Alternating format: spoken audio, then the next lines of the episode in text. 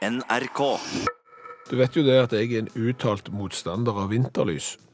Du øh, venter til du kan kalle det julelys. Ja, eh, andre henger opp julelysene i november, jeg kaller det vinterlys. Jeg henger opp julelysene da eh, første søndag i advent. Altså i går. Ja, Men du har vel et visst anstrengt forhold til julelysene også, har du ikke det? det kan du trygt si. Eh, Og det starta jo i det huset som jeg bodde i før, det jeg bor i nå.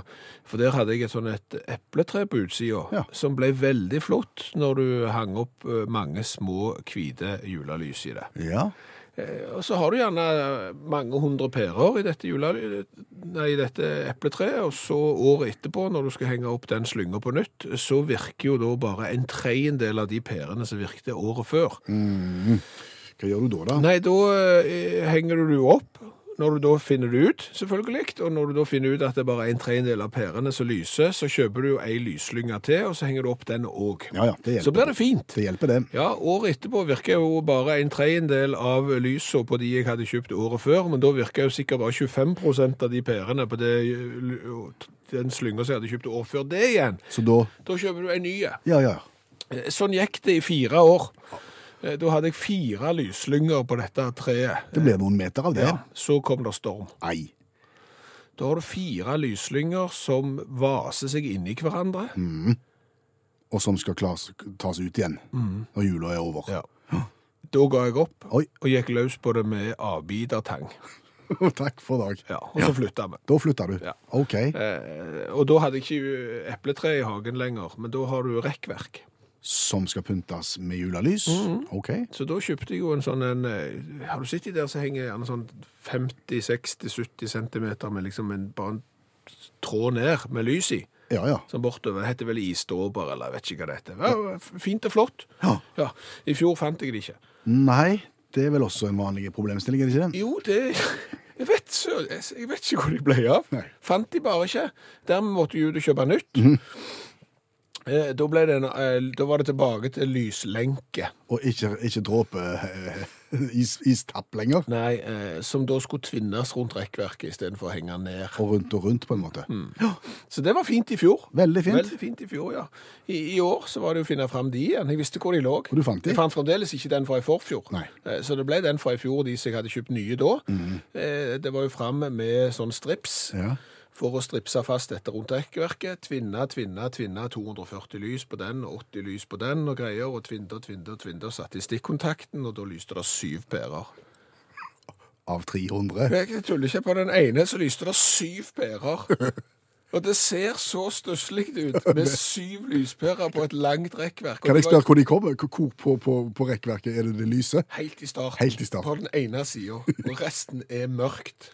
Og da begynte igjen forbannelsen på disse julelysene, for jeg hadde jo stripsa det fast. Mm. Så i dag må jeg jo ut igjen og, og kjøpe nye da, for å supplere det rekkverket som mangler lys. da. Eller har syv pærer. Men, men aner du hva som har skjedd? Nei. Nei? For, for de nye nå, Ja. de, de skjønner jeg jo ikke helt. Altså Hvordan de er bygd opp. For Der er det sånn transformator, og det er masse ledninger, og plutselig så kan det lyse syv pærer der og fire der. Jeg skjønner det ikke. For før var det jo sånn at når du hadde sånne sånn talgelys-lignende eh, på juletreet, Ja. så var det sånn at hvis en av dem ikke virka, Ja. så virka ingen. Ja. Og da var det jo gysla lett å finne ut hvilken som ikke virka. Det er det som kalles seriekobling, og det var jo Python. For da er det jo, hvis du er sånn som jeg, eh, at du pynter juletreet på lille julaften da, eh, litt ut på dagen kanskje, ja. på kvelden, og så finner du ut at det er ikke jul, lys i julelysa, og da skal du for det første finne ut hvilke det er, og så skal du finne da, jeg har vi ei pære i huset, så klarer du å låne da ei pære fra en eller annen sånn syvarma stake som du har i vinduet. Da virker jo ikke den lenger heller, for den er jo også seriekoblet. Så begynner du å gå løs på juletreet. Lyser det nå? Nei. Lyser det nå? Lyser det nå? Og så har du prøvd alle, så viser det seg at det er ingen av de. Faktisk. Nei, det er pyton med julelys. Men er det fint på, på altanen på verandaen nå? Nei! Nei, nei. Jeg må ut og kjøpe i dag. Jeg har jo bare syv lys. Og, skjønner. Jeg har benytta helga til å gjøre et ganske grundig eh, journalistisk arbeid som rett og slett eh, kommer til å gå over landet som en farsott, tror jeg. Det tenker jeg er litt nifst, med tanke på at du er fotograf og ikke journalist. Jo, jo, men, men nå har jeg begravd meg veldig dypt ned i, i materien og kommet opp med ganske oppsiktsvekkende funn, vil jeg si. OK, Ja. hva er tema for forskningen din? Nøtter. Nøtter. Det Ja. passer jo godt nå i adventstiden. Ja, og, og for å si sånn, her er det mer enn tre nøtter til Askepott. Altså, her er det en hel nøttebransje som er blitt sett etter i kortene, og som kanskje må, må gå i seg sjøl litt. Hva, hva har du funnet ut? Nei, altså, jeg kom over en artikkel i det renommerte nettidsskriftet moneyinc.com. Det var Money Inc. Money Inc. Ja, moneyincorporated.com. Velrenommert. Det tror jeg, for jeg har aldri hørt om det før. Ikke heller. Eh, journalisten Benjamin Smith som har skrevet en artikkel over de ti mest eh, kostbare nøttene i verden. Akkurat. Ja. De mest kostbare. Ja, Ja vel. altså det er mange nøtter i verden, Ja. eh, men det er bare ti som kan være på topp ti-lista over de dyreste og mest kostbare nøttene. Men hva går forskningen din ut på, bortsett fra å referere til han i Money Inc? At eh, de, noen av de dyreste nøttene i verden er noen av de billigste i Norge. Mens noen av de billigste nøttene i verden er av de dyreste i, i Norge. Altså, Norge er motsattlandet når det gjelder pris på nøtter. Dette er interessant. Ja, og I tillegg da spriker det veldig innad i både enkelt, enkelte butikker. Altså, En, en nøtt kan koste 222 kroner kiloet, mens den samme nøtta bare i en annen innpakning kan koste 400 kroner kiloet innad i den samme butikken. Det er òg oppsiktsvekkende. Skal vi begynne med Eller hva, hva skal vi gå løs på nå? Ja, egentlig så, så tar vi bare det som er viktig. Det som er essensen i forskninga mi her, det er jo at eh, de ti mest dyre Mest dyre, ja. De dyreste nøttene i Ja, verden? ja, eh, der er, er det sånn at hasselnøtten Ja. den er på tiendeplass. Det er en av de rimelige nøttene. Ja. Eh, Pistasjenøtten på andreplass. Og så går det nedover da med pekende paranøtter og valnøtter og sjasju og cashew og de der nøttene der. Ja. Før du da kommer eh, til plass nummer ni, pinjenøtter, som er nest dyrest, og macadamianøtter, som er de dyreste nøttene i verden. Pinjenøtter nest dyrest. Ja. Mac Macarena. Maca... Ayapoquia macadamianøtter, Ja. de er de dyreste nøttene i verden. Nettopp. Og så viser det seg jo det at på tredjeplass over de tredje mest dyreste veldig vanskelig å si, merker du det? De tredje dyreste nøttene i verden Ja. er Mandler. mandler, ja. Og, og det er fordi at klimaet for å lage mandler det skal være veldig spesielt. Sånn at det er California da, som produserer 82 av verdens mandler, eh, og så supplerer de litt fra Iran og Marokko og Spania på de resterende 18 prosentene. Og du må ha det rette klimaet, og det tar tid. For et eller annet tre kan ikke begynne å produsere mandler før det er fire-fem år gammelt, og det er liksom ikke på mandeltoppen når det gjelder produksjon, før det er tolv år gammelt. Det er liksom da det piker eh, i produksjonen på, på dette mandeltreet. Så du ser, dermed blir mandler ganske dyre. Yes. Men Ikke i Norge. Ikke i Norge. I Norge er mandler kanskje en av de billigste nøttene du kan kjøpe. Og dette er det det du har fordypa deg mest i? Ja, Syns du ikke det er oppsiktsvekkende? Jo, jo, jo. Altså, Men- for at vi produserer jo ikke mandler sjøl, det har du sagt. nei, men altså, hvor mange nøtter produserer vi sjøl? I det hele tatt. Altså, kjenner du til en stor norsk industri der du produserer nøtter fra bånn, går ut og plukker det på treet? Du gjør ikke det. Ikke andre enn de som Roald Øyen produserer til påske. Ja, Og han produserer ikke lenger heller. Så det er slutt på det Så jo. det er slutt på det òg. Så, så påskenøtter og julenøtter det teller ikke i denne sammenhengen. der. Nei. Nei. Så Derfor så tenker jo jeg at alle nøtter stort sett som vi får til landet her, de er jo importert. Ja. Og, og det er klart når California da er hovedprodusent av mandler, så er vel sjansen for at de mandlene vi får til Norge, er produsert i California, de òg. Og hvorfor er de da den tre dyreste nøtta i verden, mens det er i Norge så er den billigere enn eh, hasselnøtter, valnøtter, paranøtter, cashew, pistasje og all slags annet. Det kan jeg ikke svare på. Nei, det kan ikke jeg heller svare på. Nei, du- så, så langt går ikke journalistikken min. Men det, jeg syns det er oppsiktsvekkende det jeg har funnet ut. Det vi er enige om, da, eh, internasjonalt og i Norge, det er at eh, pinje, nest dyrest, og macadamia-nøtter er dyrest. Og i Norge 1000 kroner kiloen fort for macadamia-nøtter i Norge. Men mandlene, det er det, den store X-en her. Ja, hvis du ikke har fjerna de. Kanskje har du ambisjoner eh, når jula nærmer seg å slappe av, sette deg ned med ei god bok og, og lese. Og den boka du har planlagt å lese, det er en bok du har lyst til å lese og, og gleder deg til å lese. Ergo så leser du ikke en ei bok som du kanskje burde lese. Nei, for det er en haug med klassikere der ute som du burde egentlig ha gått løs på, Ja. men som du av en eller annen grunn lar bli stående. Ja. Det er her vårt lynkurs kommer inn i bildet. Vi får noen til å lese den boka for deg og forklare innholdet, sånn at du slipper. Og i løpet av fire minutter så kan du øh, framstå som om du har lest verket. Nå skal vi gå løs på en ny øy. Janne Stigen Drangsholt, forfatter og litteraturviter, er hun som hjelper oss.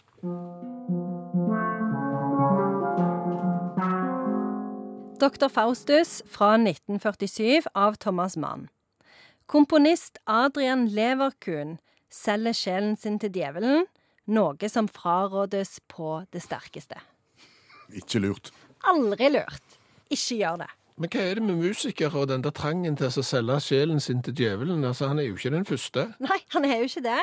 Og det minner kanskje om ei bok som vi gikk gjennom for lenge siden. Husker dere det? Husker dere hva bok dette minner om? Nesten lik tittel òg. Faust? Ja, Goethe sin Faust, for det er samme myte. Faust-myten. Faust som selger sjelen sin til djevelen og tenker at dette kan jeg sikkert komme unna med. Han kan jo ikke det. Nei. Han kan jo ikke det. Så, og det som er litt sånn triksete med han leverkorn, er at han, han gir seg sjøl syfilis med vilje.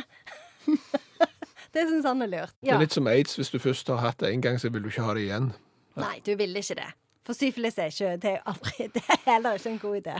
Eh, fordi at da kan han eh, eh, skape bedre musikk, tenker han. For at han er liksom hele tida på grensa til galskapen, sånn at han kan både kan på en måte utvide perspektivet sitt. Eh, og det går jo bra veldig lenge, eh, men så går det skikkelig dårlig. Å ja. Ja. Eh, og han har en sånn en, eh, dialog gående med en sånn en demonaktig fyr. Eh, og så sier han jeg skal gi deg 24 år med suksess, men så er sjelen din eh, min, da. Og det er jo det som skjer òg. Han får 24 år. Han får 24 gode år, eh, og så får han 10 år hvor han har blitt helt totalt eh, ko-ko, og lever ti år i pleie og har ingen sjelsevner eller noen ting som helst som er gøy. Blir det skapt fine musikk, eller? Ja ja, kjempefin musikk. Klart det. Ja, og, Det er og, liksom- og, og publikum strømmer til ja, konsertene. ja, ja, han har kjempesuksess. Han ble jo en skikkelig eh, kjendiskomponist. Eh, og så er det Det som jeg syns òg er fint, det er at det, han som forteller historien, det er jo en kompis, for han dør jo på slutten, han Leverkorn. Eh, så det- han som forteller eh, dette her, det er en sånn, sånn snusfornuftig eh, tysker som heter dr. Serenus Zeitblom. Ja! ja, og han er liksom sånn Når han begynner boka, så er han sånn Ja, nå skal jeg fortelle om vennen min Adrian, men la meg først fortelle litt om meg sjøl. Og det syns jeg er en veldig sånn typisk eh, mann, eh, mannsmåte å fortelle en historie på. Det er sånn når godt voksne menn skal holde tale i bryllup. Ja, jeg skulle gjerne ønske brudeparet til lykke, men vet du hva? Og så begynner de å fortelle om seg sjøl istedenfor. Ja. Og så er det liksom en sånn liten skål på slutten. Da. to tomler. Men hva er det Thomas Mann ønsker å fortelle oss gjennom dette her? Han ønsker å fortelle oss litt om den eh, tyske folkesjelen. Eh, og så ønsker han jo òg å fortelle litt om andre verdenskrig, for den boka kom jo ut i 1947. Eh, og Thomas Mann var jo en av de som reiste i eksil. Så denne boka har jo ofte blitt tolka som en slags eh, eh, kommentar på eh, både nazistene sine ugjerninger, men òg eh, på eh, hvordan det kunne eh, skje at folk som egentlig ikke var spesielt fans av denne her ideologien, ble innlemma i den likevel. De solgte sin sjel til djevelen, Ja. på et vis. Ja, de gjorde på en måte det. Et sitat. Ja, et sitat, ja. Det har jeg. Teknologi og komfort. Folk som har disse, snakker ofte om kultur uten å ha det. Det følte jeg litt kunne vært litt sånn eh, Kunne handla om oss eh, i, i Rogaland i 2019. Ja. Ja. Opptatt av teknologi og komfort. Tror vi kan snakke om kultur, men egentlig har vi ikke peiling. Men klarer vi å oppsummere dette verket? Det er jo nok en historie om en musiker som selger sjelen sin til eh, djevelen. Robert Johnson, bluesmusikeren, satt på det som heter Crossroads, visstnok og solgte sin sjel til djevelen for å bli en suksessfull musiker, og, og ble det. Og så kan du gjøre det i Tyskland òg. Da blir det mer ordentlig. Ja. Og så virker det bare en stund. Ja, det, du kan jo kjøre det på for alltid. 24 år, take it or leave it. Ja. Takk, Janne Stigen Drangsholt, forfatter og litteraturviter. William Hutt var det. En av de flotteste og kanskje mest særegne stemmene i Norge, og nå over til en helt annen.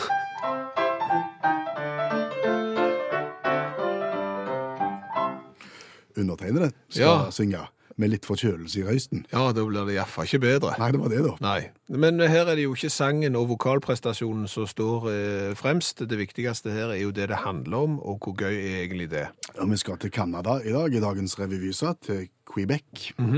Og eh, kan vi si absurd HMS-konsekvens, som en slags overskrift.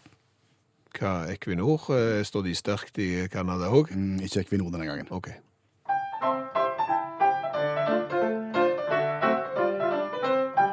Det var B-lapp på bytur et sted i Canada, og i butikken var det mange rulletrapper. Hun tok plass i den ene og ante ikke da at rulleturen skulle koste tusen lapper. For hun gjorde ikke det som sto på skilter, og det er det som gjør at politimannen tilter. Du skal holde i rekkverk, for ellers blir det rot. Du får herved 4000 spenn i bot. Tuller du? Nei. 4000 kroner i bot for å ikke holde i rekkverket når du tar rulletrapp? Mhm, Men historien stopper ikke der. Historien starter der. Det er da Bella som er på bytur, som jeg sier, Ja. i Quebec. Skal kjøre rulletrapp, og det er da et skilt som henger over rulletrappen om at du skal holde i rekkverket mens du kjører. Ja. Eh, Bella gjør ikke det, og en politimann på toppen av rulletrappen ser at hun ikke gjør det, og gir henne beskjed om å gjøre det. Ja, Når hun er i trappa, så roper han eh, Ja. på fransk 'Mademoiselle, eh, s'il vous plaît'. Noe sånn, ja. Ja. Eh, Men Bela gjør ikke noe med det. Nei. Dermed så springer mannen ned og tar imot Bela når hun kommer til bunns, og ber henne bli med på kontoret. Og da begynner Bela å bli vrang. Ja, det hadde jeg òg blitt. Ja, så Ja. Da, da sier Bela nei, nei, det vil jeg ikke, hun nekter også å oppgi personalia. Ja. Da blir politimannen vrang, og så blir det en disputt, og det ender med at eh, Bela da får 4000 kroner i bot totalt, 1000 kroner i rullebot for ikke å ha holdt i rekkverket, og 3000 for å motarbeide offentlig tjenestemann. Nå er vi halvveis. Er vi halvveis nå, ja? For nå skulle jeg komme med litt sånn Dette skaper jo bare politiforakt, og den slags skulle jeg komme med nå. Ja, ja, for Dette finner jo selvfølgelig ikke Bela seg i, Nei. så hun uh, går jo til retten og uh, blir frifunnet, faktisk, i 2012. Dette her skjer i 2009. Da, så det ruller litt og og går. Så i 2012 så blir hun frifunnet for hele greia, men hun krever 450 000 kroner i erstatning. Som for, for, for tort og svi og alt dette her greiene som hun har vært igjennom som følge av det. Og det får hun jo ikke i utgangspunktet. Nei. Det blir nekta i to rettsinstanser før Høyesterett tar saken. Da sier Høyesterett en må se på skiltet som en advarsel, og ikke som en lov. Dermed er det feil av betjenten å stoppe og ransake henne fordi hun skal ha brutt en lov som ikke eksisterer. OK. Du vinner, Bela. Vi gir deg ikke 450 000, men du får 150 000 i erstatning. Er det greit? Greit, sier Bela. Nå mister jeg respekt for hun òg. Ser du det? Altså, først mister jeg respekt for han der politien da, som, som uh, mister hodet og skal gi bot. Uh, og, så mister jeg uh, respekt for hun som tar dette to rettsinstanser videre, når du da har blitt frikjent bare for å skaffe seg noe monetas. Når du skal vaske opp f.eks. for, for hånd, eh, en skitten eh, bolle eller noe Hvorfor snakker jeg sånn? Nei, vet ikke. Ikke. Eh, Bruker du kaldt eller varmt vann, da? Da bruker jeg glovarmt vann, så varmt vann jeg bare kan. Så varmt så du klarer å ta hendene nedi. Ja. Ja. Ja. Og det samme hvis du har skikkelig skitne kjøler i oppvaskmaskinen, Ja. så setter du ikke på det der spareprogrammet på 37,5 grad. Du setter på Du lør på det varmeste du har. Ja. ja. Og, og det samme hvis du skal vaske skitne kjøkkenhåndklær, skitne håndklær, skitten sengetøy eller kjeledress. Mm. Det er så varmt som du kan. Det er 90 grader. Det er det. Ja. Eh, Når du pusser tennene Så går vi for kaldt. Ja. Hvorfor gjør vi det? Det bare er sånn. Det føles helt feil med varmt. Ja, det, det, det føles helt feil, ja. Jeg har prøvd, eh, for jeg har tatt meg selv i nettopp dette, og, og tar så varmt vann som jeg overhodet klarer i oppvaskkummen for å vaske opp, for at det skal bli rent, Ja. for så å gå opp og pusse tennene i kaldt vann for at det skal bli rent. Ja. Og da har jeg jo prøvd med varmt vann, og det føles ikke greit. Nei, det gjør ikke det. Nei, Nei. det er litt som å sette seg på eh, toalettringen. Når den er varme, Mm. så føles ikke det heller greit. Så det er noen ting der med sånn opplevd temperatur og greier som gjør at du får en helt annen opplevelse av ting. Men tror du det hadde blitt varmere, eh, renere i, i munnen hvis vi hadde gått for varmt? Har ikke peiling. Ja, hvis vi skal holde på, på argumentasjonen fra de øvrige tingene vi vasker, Ja, så skulle en jo det. Ja, jeg har jo hørt det at det høy temperatur er med på å ta livet av eh, bakterier og Ja. sånn. Det kan jo kanskje bli litt grann ugreit da, hvis du pusser tennene i sånn 90 graders tevann. Det skal du selvfølgelig ikke. Nei, men det kan jo hende at det er 75 i går. Ja. Har du tatt opp dette med tannlegen din? Nei, og jeg vet ikke om jeg stoler helt på de heller. Nei vel? Nei, for det er jo ofte sånn hvis du ser på tannkremreklame og sånn, så er det anbefalt av ni av ti tannleger og, og den slags. Og, og jeg kan ikke tenke meg, det skal være ganske bra justis innad i den gruppa at du faktisk anbefaler folk å oppføre seg sånn at du ikke har bruk for dem. Altså Du skal pusse tennene, og du skal gjerne bruke den tannkremen, for det gjør at du ikke får hull. Du skal bruke tanntråd, for da får du heller ikke hull. Du skal bruke alle disse produktene, for da får du ikke hull. Ergo så er det ikke bruk for oss lenger. Det er jo litt grann som å sage av den greina du sitter på. Konspirasjonstanker? Nei, jeg skal ikke si det, men det er ikke sikkert at jeg stoler på de 100% i hvert fall. Men jeg, tenker en annen fordel med, med litt varmere vann. Nå, Da hadde du jo unngått den der isingen, kanskje, som du opplever når du pusser med steinkaldt vann. Så nå, nå foreslår jeg at eh, i kveld, når du skal pusse tennene, så prøver du varmt vann. Og det samme gjør du i morgen tidlig. Da har du liksom referansen, og så, så kjenner du på det, om det var greit. Greit. Hvis du er en fast leser av aviser eller nettaviser eller den slags, så kan du ikke de siste åra unngått å få med deg iallfall et par saker om noen som har donert vekk håret sitt. Nei, det er vanlig. Det er sånn at det er noen som da mister håret i forbindelse med sykdom, f.eks. kreft, og har behov for parykk, eh, og mange av disse parykkene blir lagt av naturlig hår, og da trenger du naturlig hår, og så er det noen som er greie og snille og ofrer sitt eget, og, og donerer det vekk da. Fint. Ja. Men det jeg har lurt litt på, er det noen der ute som har vurdert å spare litt til seg sjøl? Fordi at det i den slekta du befinner deg i, gjerne er vanlig at det minker ganske stygt når du runder 40. Ja, du kan jo se på eksempel farden, og, og far til farden, og, og noen generasjoner tilbake, så kan du jo kanskje se om det er, eh, for å si det sånn, det ligger et månepotensial hos deg òg. Ja. Og hvis det er det, så kan det jo kanskje være lurt å spare mens du kan. Ja. Når du er på høyden i, i ungdomstida, kanskje? Ja, at da legger du av litt. Ja. Jeg vet ikke hvor du skal spare det hen, om du fryser det ned, eller hvordan det blir lagra, eller om du skal få sydd deg en, en parykk med en gang. Det kan jo godt Det er litt skummelt. Det er litt skummelt, ja. For da vil du vel sy etter den tids motebilde, tenker Ja. jeg. Ja. Og, og det er klart, hvis du da begynte å spare til, til, til den dagen du ikke hadde hår, for eksempel i 1984, Ja.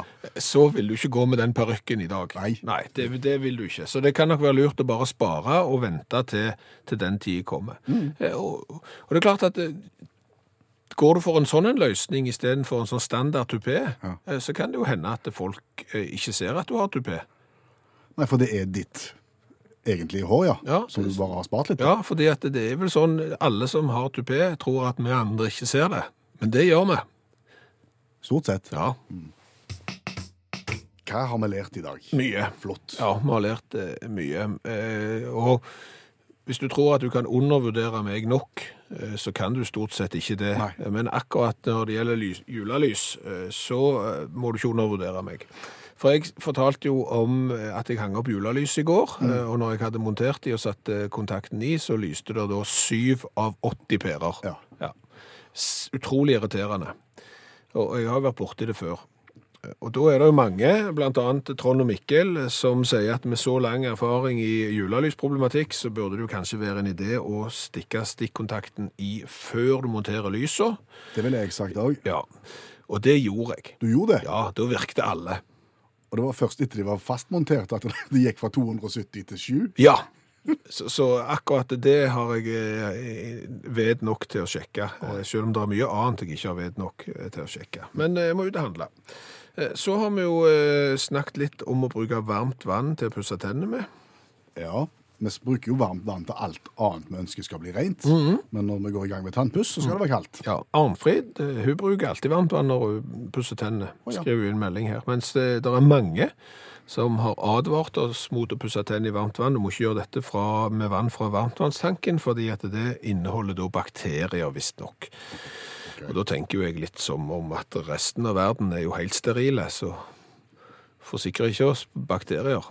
Men, men dette er jo vidt forskjellig. Noen eh, praktiserer varmtvannspussing, ikke mange, mens resten av oss eh, praktiserer kaldtvannspussing. Og det er noen her som sier at eh, varmt vann gjør tannkosten for myk, og da føler de ikke at tannkosten tar godt nok. Det er jo et poeng. Ja, Da pusser du gjerne for hardt i utgangspunktet. Det er mange sider av en sak her. Eh, Så har vi jo lært det, og det er ganske oppsiktsvekkende, at verdens tre dyreste nøtt Eh, Ja, Som er mandler på verdensbasis. Ja. ja. er en av Norges billigste nøtter.